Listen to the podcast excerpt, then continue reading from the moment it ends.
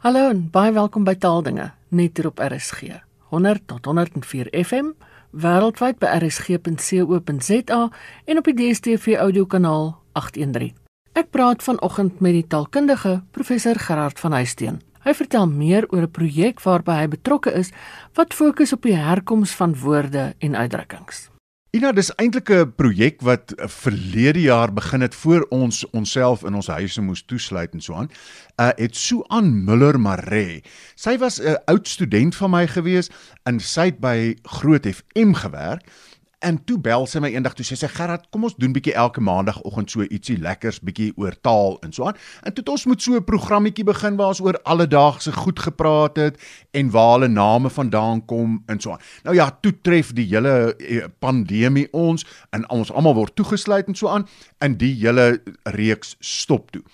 Maar as mens nou so sit en niks doen nie, dan broei daar allerlei idees in jou kop en ek en sy besluit, toe kom ons gaan soek geld en dan maak ons 'n potsending reeks hiervan. En ons het toe met afrikaans.com gaan praat met al die mense daar en hulle is toe vuur en vlam vir hierdie idee en hulle bied ons toe sê toe vir ons hulle sal hierdie reeks borg vir 'n jaar, so ons maak 52 episode wat dan gaan oor alledaagse goeders en waar dit vandaan kom.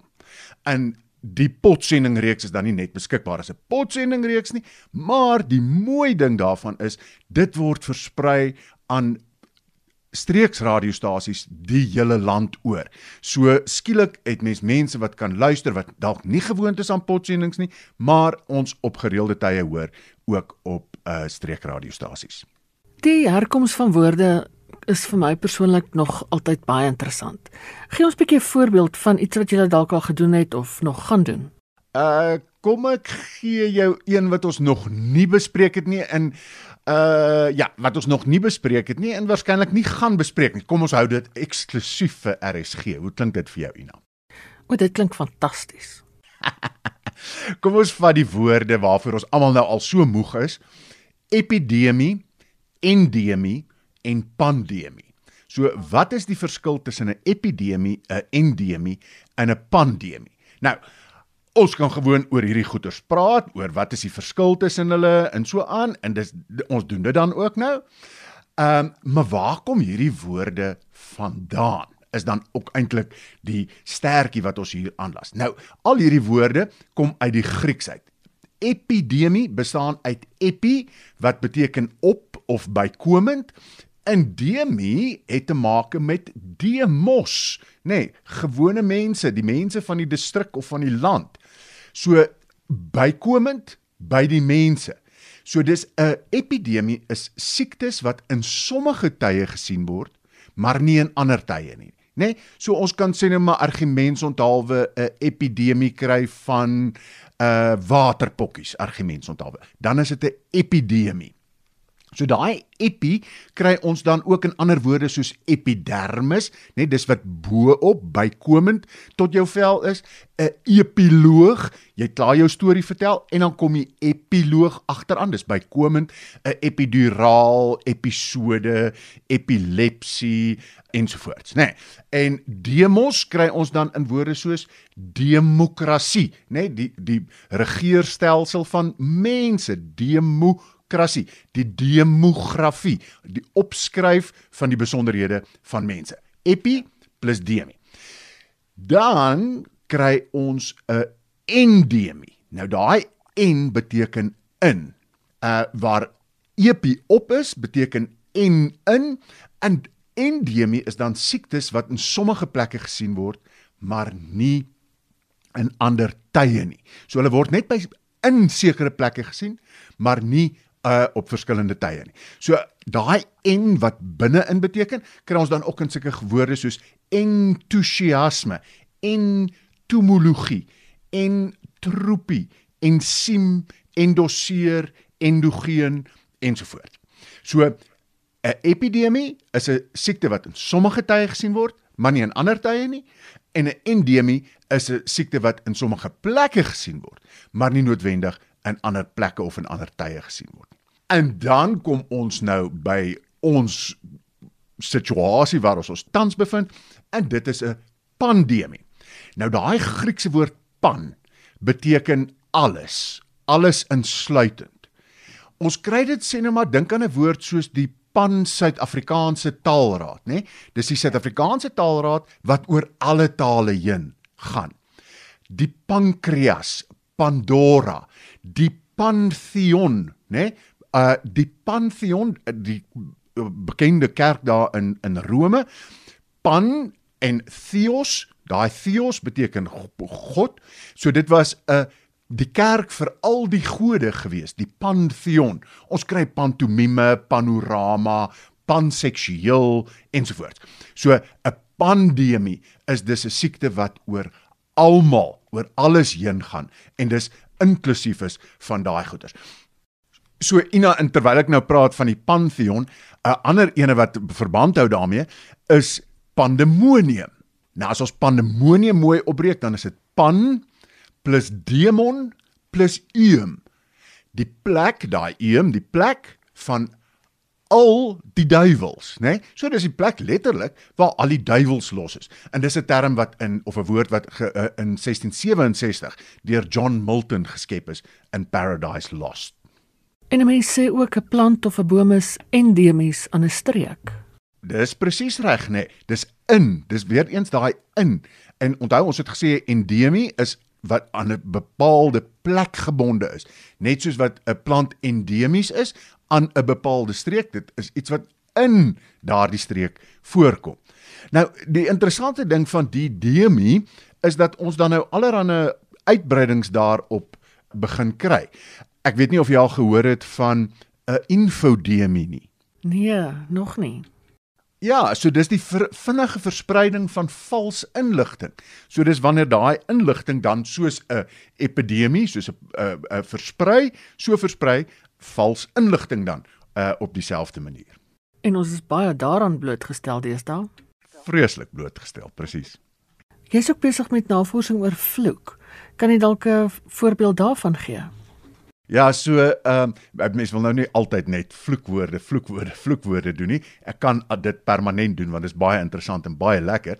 Maar ons probeer dus nie net kyk na sê net maar waar die vloekwoord vandaan kom nie, maar dan ons sal in 'n episode argumente onthou ook kyk wat is die aanstootlikheidswaarde hiervan, wanneer kan jy dit sê, wanneer kan jy dit nie sê nie, uh ensvoorts. Kom ek vat vir jou 'n uh, voorbeeld soos 'n woord, 'n maklike, 'n lekker maklike Afrikaanse vloekwoord soos swernoot jou swernoot. Nou Ina, die woord is in 1884, net soos ons hom vandag spel, vir die eerste keer in Afrikaans opgeteken. Voor dit eintlik nog in vroeë Afrikaans in 1734 as swernoot, swernoot. En dan gaan ons terug in Nederlands in waar hy was zweernoot, zweernoot en dit is dan ehm um, kragterm ter eh, eh, ter versterking van wat gesê word. Loop na die zweernoot of so iets, nê. Nee. Ja. Nou die gaan dan terug in die Duits in. Ons kry in uh, die 18de eeu se Duits kry ons 'n Schwerreneuter wat 'n vervloekte man was, Schwerreneuter. En dan ook in dieselfde tydperk in die 18de eeu kry ons Schwerrenot in Duits. Nou dit was 'n uitroep, 'n verwensing en 'n vervloeking eintlik geweest. Schwerenout. En dit het letterlik beteken kry epilepsie. So daai swerre is swaar en dan die noot was nood, die nood. Nou in die nood het in daai tyd uh letterlik verwys na 'n psigiese aandoening. So die swerre noot was dan spesifiek gewees epilepsie. So as jy iemand vir iemand ges, gesê het swerre noot, dan beteken dit kry epilepsie. Uh wat dan op daai stadium natuurlik 'n gruwelike uh um uh, skelwoord was. Ja. En seker vandag nog eintlik dis as mens so daaraan dink. Maar wat sommige mense daardie geskiedenis ken, ervaar hulle sekerlik nie die woord so erg nie. Nee, natuurlik glad nie, nê. Nee. So dit is maar dis maar daai ou proses wat met woorde gebeur en dis eintlik wat ons so mooi in hierdie reeks raak sien is hoe van hierdie ou betekenisse hoe dit verander met verloop van tyd en heeltemal uh vervaag of verdiep of so aan. So dit dis maar gewoon hoe taal werk. En mens kan nie nou sê o omdat 'n uh, 'n uh, swernoot 300 400 jaar terug uh beteken dit kry uh, epilepsie dat wanneer iemand vandag sê uh vir iemand anders sê swernoot, dan kan jy nou nie sê nee, o moenie dit sê nie want jy wens iemand kry epilepsie. Dis glad nie hoe taal werk nie. Uh en daarom is iets so swernoot in Afrikaans eintlik 'n dood onskuldige woord. Word die woord nog dikwels gebruik?